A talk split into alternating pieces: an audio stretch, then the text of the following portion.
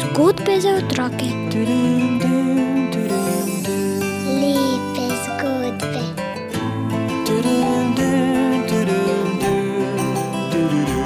Bere nam jih Juri Sešar.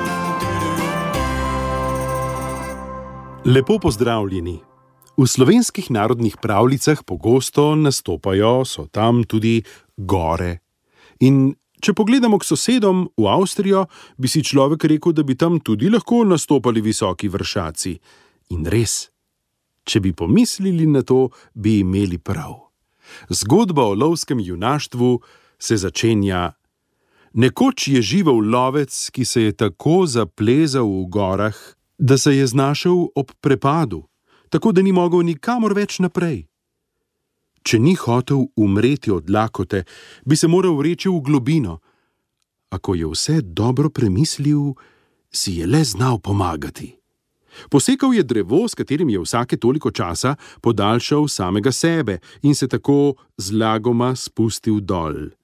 Potem je vzel pot pod noge in prišel do mlina. Tam je vrgel proč drevo, iz paliske si je zvil vrv in se spuščal naprej, dokler se ni znašel čisto v dolini. Takrat mu je že hudo krulilo po trebuhu.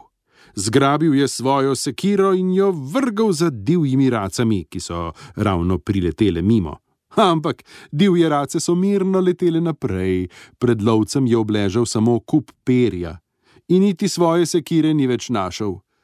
Zato je brž zažgal tisti kup, da bi si z njim posvetil in jo našel.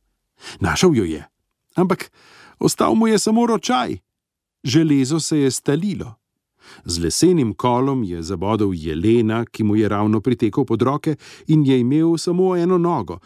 Potem ga je očistil drobovja in razkosano meso stlačil v svojo lovsko torbo. Na to se je veselo odpravil naprej, hodil je in hodil, dokler v temnem gozdu ni prišel do hišice, v kateri je prebivala starka. Ta mu je dala jesti, a mu je rekla, naj si malo prihrani, ker se bo ta gost jutri spremenil v široko jezero.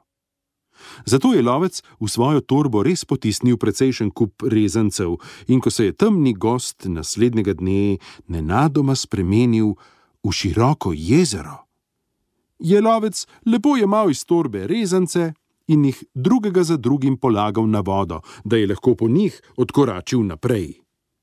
Na zadnje sta mu ostala samo še dva, dva od vseh tistih rezancev.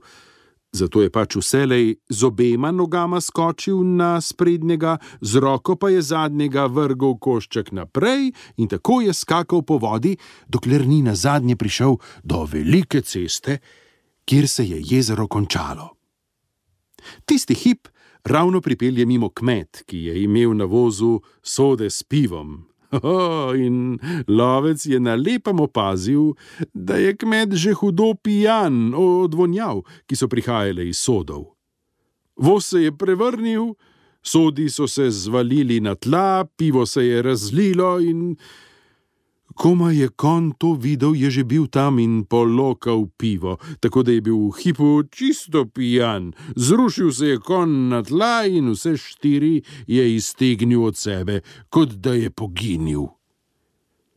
Kmetu ni ostalo nič drugega, kot da jo je mahnil v vas po konjederca, da potegne kožo z konja.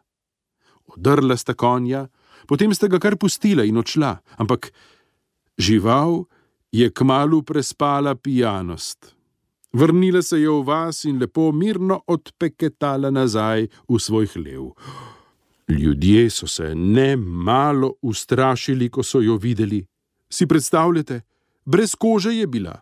In da ne bi bil kon tako nagnusen, so ga celega namazali z gosjo mastjo. Res je že naslednjega dne na njem pognalo strnišče drugega dne pa je že imel najlepše perje, kot prava pravcata gos. To seveda ni nič škodilo, konj je vseeno lahko ostal in branal. No, nedolgo po tistem kmet spet brana s tem konjem.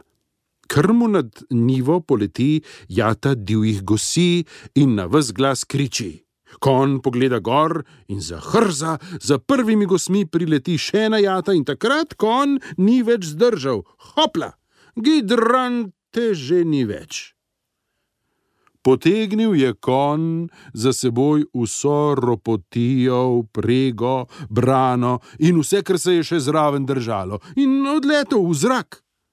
Kmet je stal na nivi in upil: Lega, hej, vsaj brano mi pusti, no! Ampak kon ga ni več slišal in je z gosmi odletel, kdo ve kam. So pa z njim odletele tudi vse te laži. Ojoj, pravljica polna laži. Saj se nam je zdela neverjetna, kaj ne? Preverite v naslednji zgodbi, ki bo prišla, kakšna bo tista naslednja. Zgodbe